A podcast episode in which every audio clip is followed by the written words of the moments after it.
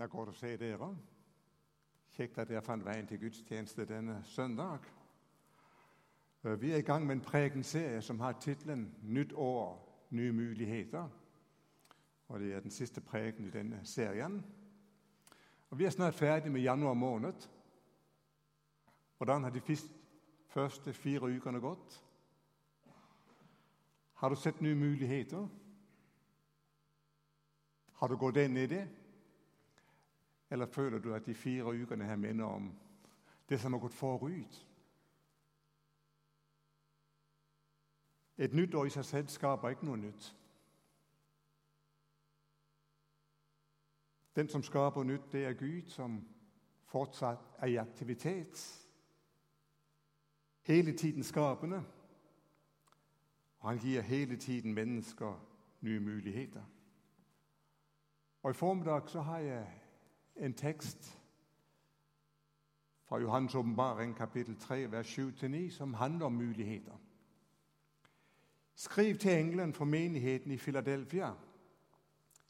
Dette sier den hellige sannferdige, han som har Davids nøkkel, han som åpner så ingen kan stenge, og stenger så ingen kan åpne. Jeg vet om dine gjerninger. Se, jeg har satt foran deg en åpnet dør som ingen kan stenge. For du har liten kraft, og du har holdt fast ved mitt ord og ikke fornektet mitt navn. Se, jeg skal la noen komme fra Satans synagoge, slike som lyver og sier de er jøder, men ikke er det. De skal komme og kaste seg ned for føttene dine, og de skal forstå at jeg har elsket deg. La oss be sammen. Herre, takk for at du nå er til stede iblant oss ved ordet og ved ånden. Takk for åpne dører du gir oss. Amen. Nye muligheter. Da tenker vi ofte individuelt. Jeg, meg og mine muligheter. For å oppleve noe nytt, for å ta nye skritt. Og Det er viktig vi tenker individuelt. Vi tenker på oss selv jeg, meg og mine muligheter. For jeg har jo ansvar for livet mitt, hva jeg vil bruke det til. Og Apropos det så har Rick Warden fra Saddleback sagt det er to viktige spørsmål som du skal svare på den dag du står for Guds ansikt. Det er for det første hva har du gjort med min sønn Jesus Kristus? Og for det andre hva har du gjort med ditt liv, dine evner, dine gaver? Men når det gjelder muligheter, nye muligheter, så finnes det jo utrolig mange ord som er talt til fellesskaper. Israels folk, disippelflokken, menigheten som en helhet og mange forskjellige menigheter. Og Mange av de fine løfter som f.eks. profeten Jesaja har, er talt til israelsfolket, til et fellesskap. Også selv om profeten får lov å si 'du' og sier Jakob og Israel, så det er likevel talt til et fellesskap. For 14 dager siden så talte jeg om ut fra ordene i Isaiah 40, 29. Hvorfor tenker du Jakob? Hvorfor sier du Israel? Du er også dere. Bibelen taler ofte til fellesskaper. Og Likevel så skal ordet 'du', 'deg' og 'din' være med på å ansvarliggjøre deg som en del av et fellesskap. Som kristen er ditt liv ikke et isolert liv. Du er alltid en del av en helhet. Du er alltid en del av noe større. Dine valg har ikke bare konsekvenser for deg, men også for andre du deler livet med. Så har vi brevene i Det nye testamentet, skrevet til fellesskaper, til menigheter. Menigheter med forskjellig geografisk plassering, med forskjellig bakgrunn, med forskjellig sammensetning av mennesker, med forskjellige utfordringer. Form og stil varierer i brevene. Men alltid en klar Kristus-forkynnelse og hva det innebærer. Tro på ham og følge ham. Alle menigheter får et budskap om nye muligheter. Nogle menigheter må foretage drastiske ændringer. Skifte kurs. Nogle må ta et oppgjør innad for å finne tilbake til selve kilden, til selve centrum. Nogle er på rette spor, men der er med å strekke seg etter. Men alltid nye muligheter, uansett hvor menigheten befinner seg. I dag har jeg læst en hilsen fra et brev til menigheten i Philadelphia. Og det er en by, som ble underlagt, grunnlagt av fyrsten Atalus, som levde cirka 150 år før Kristi fødsel.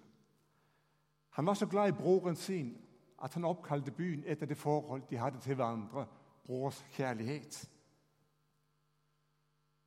Og Det var en helt bestemt hensikt med å grunnlegge denne byen, Philadelphia. Den skulle være en spydspids for græsk kultur og språk. Og byen gjorde sin jobb så godt, at 150 år etter så er det de som bodde der glemt sitt eget språk og talte bare græsk. Det er denne byen, menigheden ligger som forhilsenen. Og kanskje ligger der en, øh, en spore til, at denne menighet skal være det samme, som byen opprinnelig var.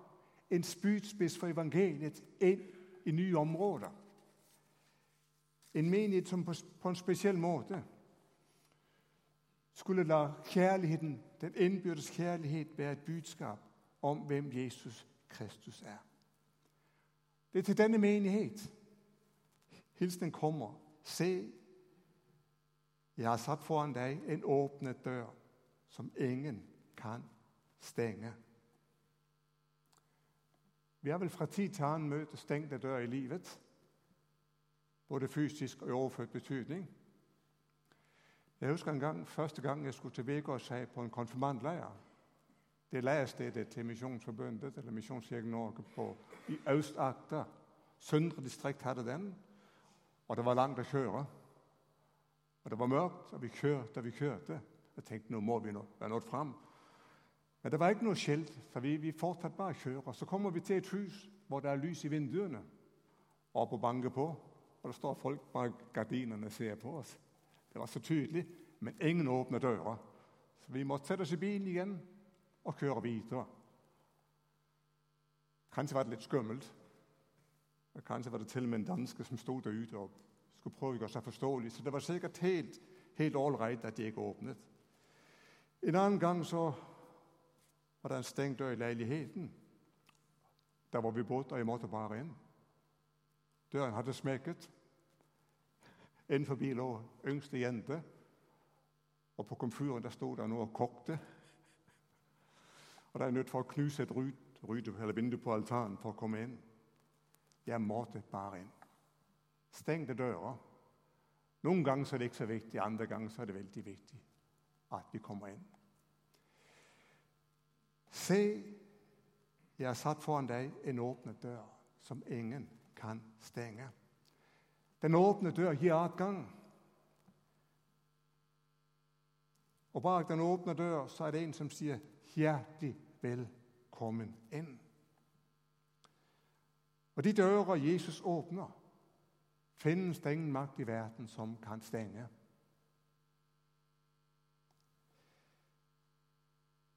Og så begynner jeg med det lille ordet, som vi møter så mange ganger i Bibelen. Se. Se.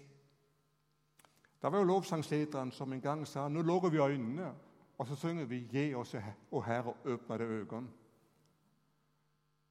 Og det er mange ganger sånn at vi, vi beder om å åpne øynene, og så stenger vi det i de forskjellige sammenhengene. Og se, det er å fokusere på, og bli oppmerksom på. Noen ganger så må vi stanse opp for å se. Hvis du har tilbagelagt den samme strekningen. i bil, på sykkel eller til fot, så vet du, det er så stor forskjell på den måten du ser. Når du går, ser du på en helt annen måte. Fokuserer, du kjenner duften. Det du ser, får lov å gjøre inntrykk på deg. Ofte så farer vi gjennom livet, også i forhold til Gud. Stans opp. Stans opp i formiddag. Fokuser. Noen ganger så må du til og med snu deg om. Se en helt annen retning. Noen ganger så må du være til stede for å se. Man kan bli blind fordi man har så mye bagasje med at man ikke ser det man ser. Man tror man ser noe annet enn virkeligheten. Og Derfor er det de viktigste ordene i Bibelen det er 'se'. Se. Og det gjentas i mange forskjellige situasjoner. Og I dag så er hilsen 'se'. Så kommer det et 'komme', og så kommer det du skal se. Fokuser i formiddag. Prøv å være til stede. Kanskje du må snu deg om, i hvert fall rent tankemessig, for å se det Gud ønsker du skal se. Og hva er det som så ligger foran oss? Se, jeg har satt foran deg. I mange år så leste jeg Se, jeg har satt deg foran en åpne dør. Men det er ikke det står. Se, jeg har satt foran deg en åpne dør. Det er han som kommer med døren. Han kommer helt ned til deg og sier, 'Se, her er en dør som gir adgang.' Og jeg har åpnet den. For det er slik han er. Han kommer alltid til oss. Det er alltid han som tar initiativet. Det er han som søker oss igjen og igjen. Det er han som presenterer den åpne døren. Se, jeg har satt foran deg. Døren er åpnet han, for ingen andre kunne åpne den. Påskemorgen så møter vi en åpnet grav. En stein som er rullet fra. Nøkkelen til den åpne graven det var et kors som vi har foran her, som vi har bak. Og så møter vi den oppstandende frelser.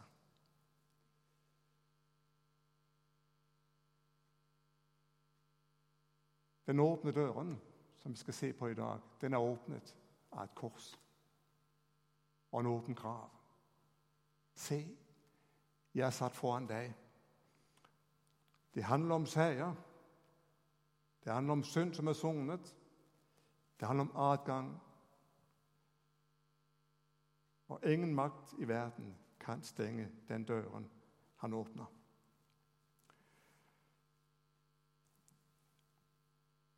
Det er ikke alltid så greit med nye bibeloversettelser. Man blir så vant til at det er slik det står. Og du har etter hvert sånn noen ord her inne, og kanskje på enkeltstykker her nede òg.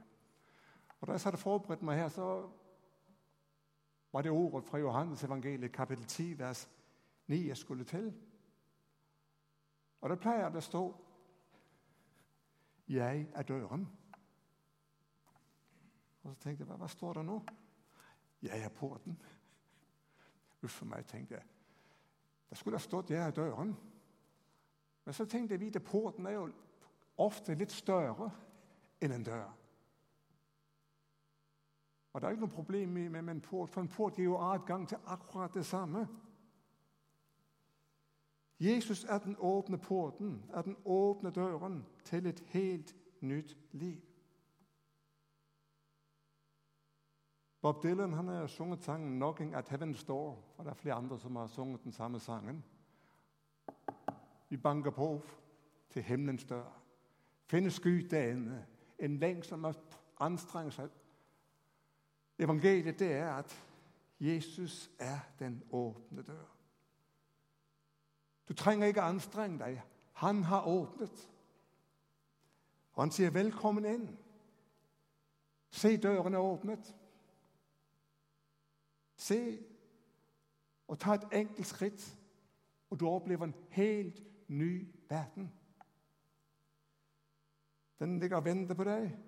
Du ønsker velkommen. Og hva består den verden i? Jo, det er primært en relasjon til Jesus Kristus. Dette er det evige livet, at de kjenner meg, eller de kjenner deg, den eneste sanne Gud, og ham du har sendt, Jesus Kristus. Det er så mange som har stått på utsiden.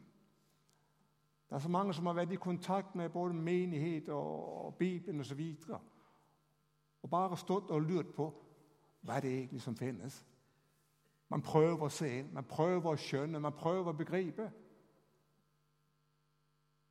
Men det er kun den som tar skrittet, som vet hva det finnes på den andre siden av døren. Og det skrittet, eller de to skritt du må ta For husk å ta begge føttene med, ikke sant? Det er ganske enkelt å si 'Takk, Jesus, at du døde for meg'. Jeg tar imot din store gave. Så enkelt er det. Da er du innenfor. Da kjenner du ham. Og som dagene går, kan du bli bedre og bedre kjent med ham. Døren til et nytt liv.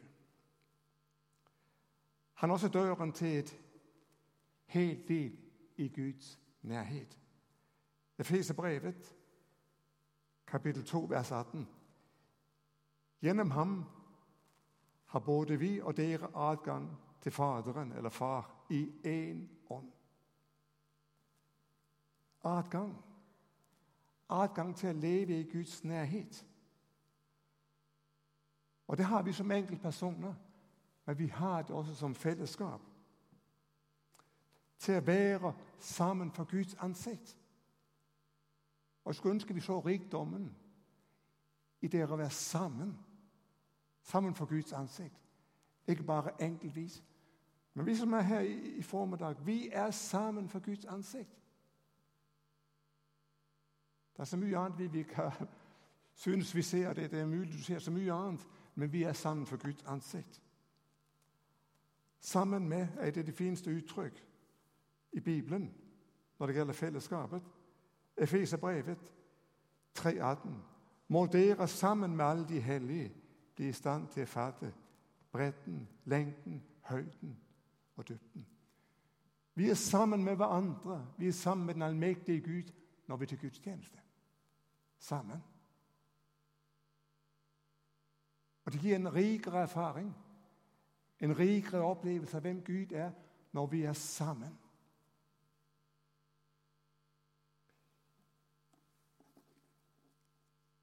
Og hva vi sammen for? Jo, nå skal du høre hva en romersk offiser sa en gang. Han hadde sendt bud etter Peder. Kornelius, det var hans navn. Og Det står i Apostlenes gjerninger 10.33. Nå er vi samlet for Guds ansikt og vil høre alt som Herren har pålagt deg å si. Nå er vi samlet. Nå er vi her. Ikke bare jeg, ikke bare du, men vi. Og vi er sammen i lovprisning og tilbedelse. Og når vi har natt, så er vi sammen om Jesus Kristus, der døde for oss. I en felles bekjennelse, i et felles møte med ham. Når vi ber sammen, er det enda sterkere når vi ber, enn når bare jeg ber.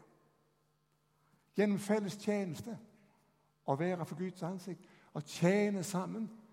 Det er godt for meg å tjene, men når vi tjener, så er det noe helt, helt annet.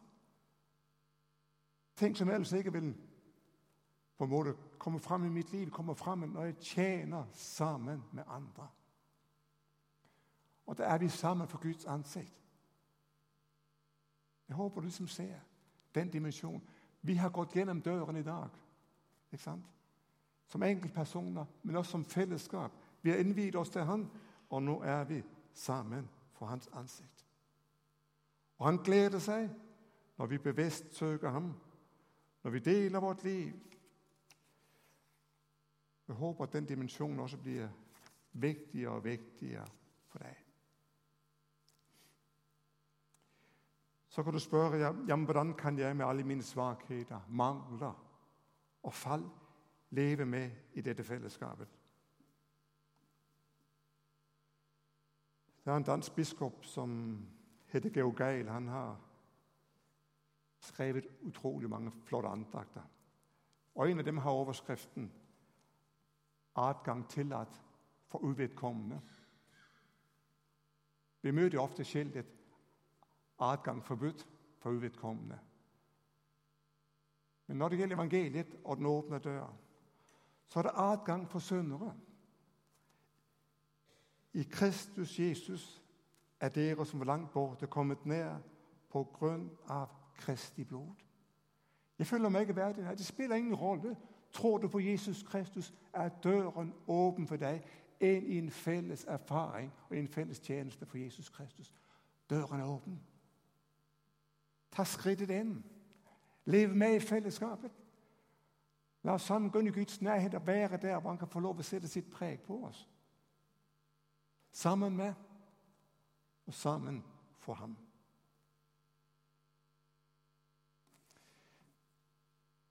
Går vi inn gjennom denne døren, så opplever vi at det også finnes andre dører som åpner seg for oss.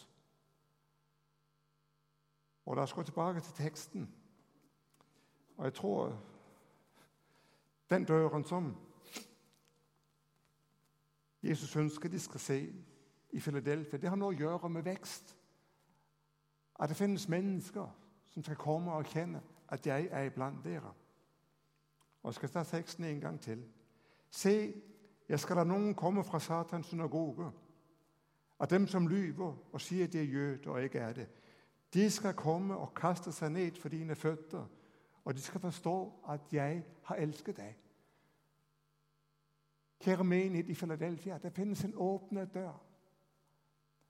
Mennesker som står, som står dere imot, skal komme og kjenne at jeg lever og er iblant dere. En åpnet dør for vekst. Jeg lar noen komme. Eller han kunne ha sagt, 'Jeg kommer til deg med noen'. I sin tjeneste opplevde Paulus åpne dører. To bibelvers om det. 2. Korinther 2,12. Da jeg kom til tross med Kristi evangelium, hadde Herren alt åpnet en dør for meg. Altså Vi tror på en Gud der arbeider med mennesker. Før vi kommer til dem, så har han vært det. Herren hadde alt åpnet en dør. Vi er ikke overlatt til oss selv i vår virksomhet. I de ting vi ønsker å gå inn i, de ting vi ønsker å se på, de ting vi ønsker å beslutte, så har Herren alt vært det. Han åpner døren. Ser du? Ser du noe? Første Korinterbrev 16,8. I Efesus blir jeg til pinse, for her er det åpne dører og rike muligheter for meg. Og motstanderne er mange. Det er ofte det er motstand når det åpner dører. Motstand kan være et tegn på at det finnes åpne dører. Men ok. Denne uken så har jeg bl.a. lest Johannes evangeliet kapittel 4. Det er et veldig spennende møte mellom Jesus og henne vi kaller den samaritanske kvinne. Det er et kapittel hvor Jesus bruker begreper på en dobbelt måte. En ren konkret fysisk betydning, og så en overført såkalt åndelig betydning. Han snakker med kvinnen om vann, levende vann. Eller hun snakker om vann, og de snakker om vann. Og Samtidig snakker han om det livet Den hellige ånd gir. Disiplene kommer og taler om mat, og Jesus taler om mat som det gjør Guds gode vilje. Så taler han om høst, og hvordan det i den fysiske verden er betingelser for at en høst skal finne sted. Det må sås. Så går det fire måneder, så kan man høste. Og Da er det jo lett for, for oss å tenke at det er så mange betingelser som må være til stede for at Guds rike kan vokse for at mennesker skal kunne nå oss. Og Derfor sier han til dem Dere sier ennå er det fire måneder til innhøstningen. Men jeg sier dere, løft blikket og se på magene. De står alt hvite til høst. Og hva er det han ser? Jo, han ser at en kvinne som hadde vært et utskudd i byen, hun går og deler sin enkle tro, sitt møte med Messias. Og gjennom hennes enkle vitnesbyrd så åpner Gud døren til en hel landsby. Allerede nå var det mak og hvite til høst. Og mange av de som kom ut, ble kjent med Jesus og ble vunnet for ham. Han brukte en enkel kvinne som døråpner. Noen ganger så tenker vi at det må være slik og slik for at vi skal kunne nå videre. Forholdene må være slik for at vi skal kunne nå nye mennesker. Vi må ha det på plass. Vi må ha det på plass. Så må vi så, så må vi så så og så lenge. Og så må vi be så og så lenge. Og da, da kommer veksten. Kanskje ikke i år, men om ett, to eller tre år. Jeg tror det er en hilsen til oss i dag. Løft blikket og se. Det finnes mennesker vi kan vende for på Guds rike her og nå. I våre omgivelser, i vårt nærmiljø, i området. Løft blikket og se. For det finnes en Gud som arbeider i menneskers liv. Det er bønder som er bedt. Det er noen som kanskje tidlig har vært i kontakt med en kristen menighet, som tidlig har lest. Løft blikket og se. Åpne dører. Det finnes oss allerede i dag. Menighetens fornemste oppdrag er å presentere budskapet om en åpnet dør. En dør som er åpnet for absolutt alle. Til og med en port. Det er ikke vi som skal stenge eller åpne dører. Jesus har gjort det. Han ønsker alle velkommen inn. Men det som noen ganger er problemet, det er at vi kan stille oss i døråpningen og stenge. Vi kan ha vår fordom om at det er mennesker kan ikke ha noe med Gud å gjøre. Det må først liksom få de ting i orden i livet, så, så, så, så er det kanskje mulig for det mennesket å møte Gud. Noen ganger er vi så knyttet til våre tradisjoner at de stenger for mennesker. Eller vår selvopptatthet. Og Nå snakker jeg ikke om, om min selvopptatthet, men, men vår felles selvopptatthet. Vi er så opptatt med hverandre, så opptatt av å, å se hverandre i øynene. At vi, vi ser ikke at det finnes andre som, som lenge som trenger. Vi snakker med dem vi pleier å snakke med. Vi drikker kaffe med dem vi pleier å drikke kaffe med. Vi ringer til dem vi pleier å ringe til.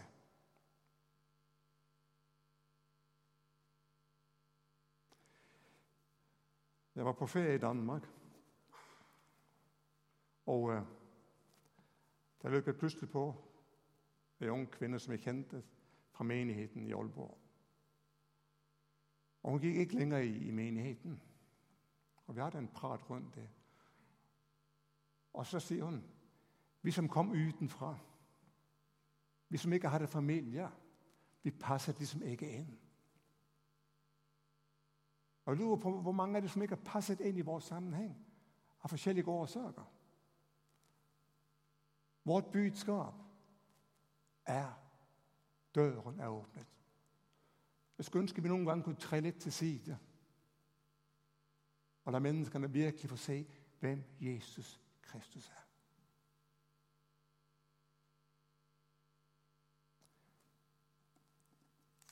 Hvem er det den åpne dør gjelder?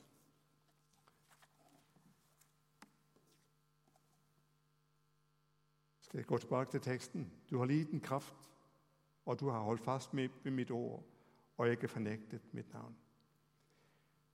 Det er den menighet som erkjenner at vi trenger fortsatt Jesus. Det er den menighet som ikke gjør seg bedre enn den er.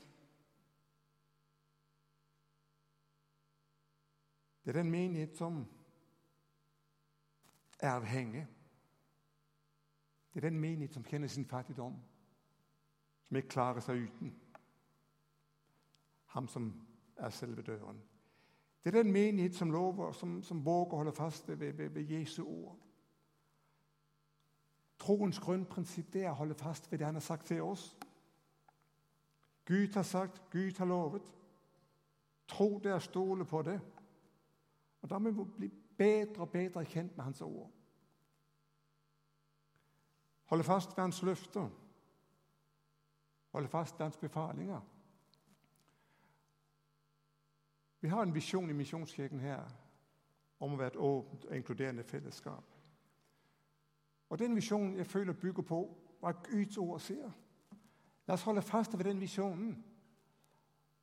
La oss være mennesker som er åpne, som ikke stenger ute. Mennesker som våger å inkludere andre i vår erfaring, i våre liv, i vår kamp, i vår svakhet, i våre seire. Det skal være et fellesskap som er fylt av det vi ønsker å nå nye mennesker. Om vi så må tre to, to skritt til siden, hva gjør det? Om ikke det blir slik jeg har tenkt, hva gjør det? Hvis mennesker lærer Jesus Kristus å kjenne, åpent inkluderende, opptatt av å nå nye mennesker Og så er det en menighet som holder fast ved Jesu navn. Ikke har fornektet mitt navn. I Philadelphia opplevde de sannsynligvis forfølgelse for sin tros skyld. Akkurat på den tiden så begynte den største forfølgelse i den romerske verden hittil.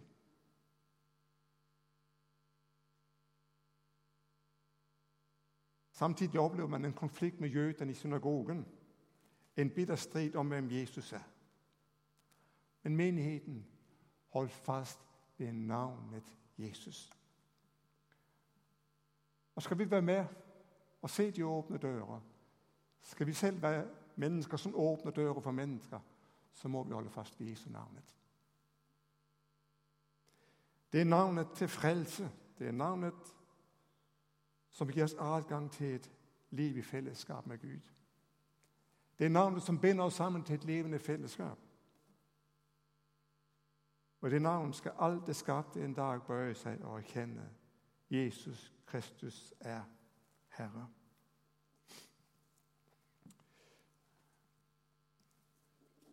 Jeg har møtt en del spennende mennesker gjennom livet. De fleste av dem har vært ganske vanlige, uten teologisk utdannelse. Og det var en kvinne i Larvik som en gang fortalte dette. Hun var en av de ivrige, kanskje noen ganger litt overivrige, men, men la det nå være. Det er ikke det store problemet for oss. Men uh, hun delte glad sin tro med dem hun var nabo med venner, bekjente familie. Gang så får hun denne responsen tilbake. Du og denne Jesusen din. Du og denne Jesusen din. Det er greit nok å snakke om at det finnes en Gud det er greit nok å snakke om vår Herre. Det er greit nok å snakke om en maktkraft som gjennomsyrer alt. Det er helt annerledes når vi begynner å snakke om Jesus, denne Jesusen din. Men det er han vi må holde fast ved. Det er han som forandrer og forvandler menneskers liv. Det er han som binder oss sammen. Det er han som gir oss adgang til et liv i Guds nærhet. Se, Ser du noe?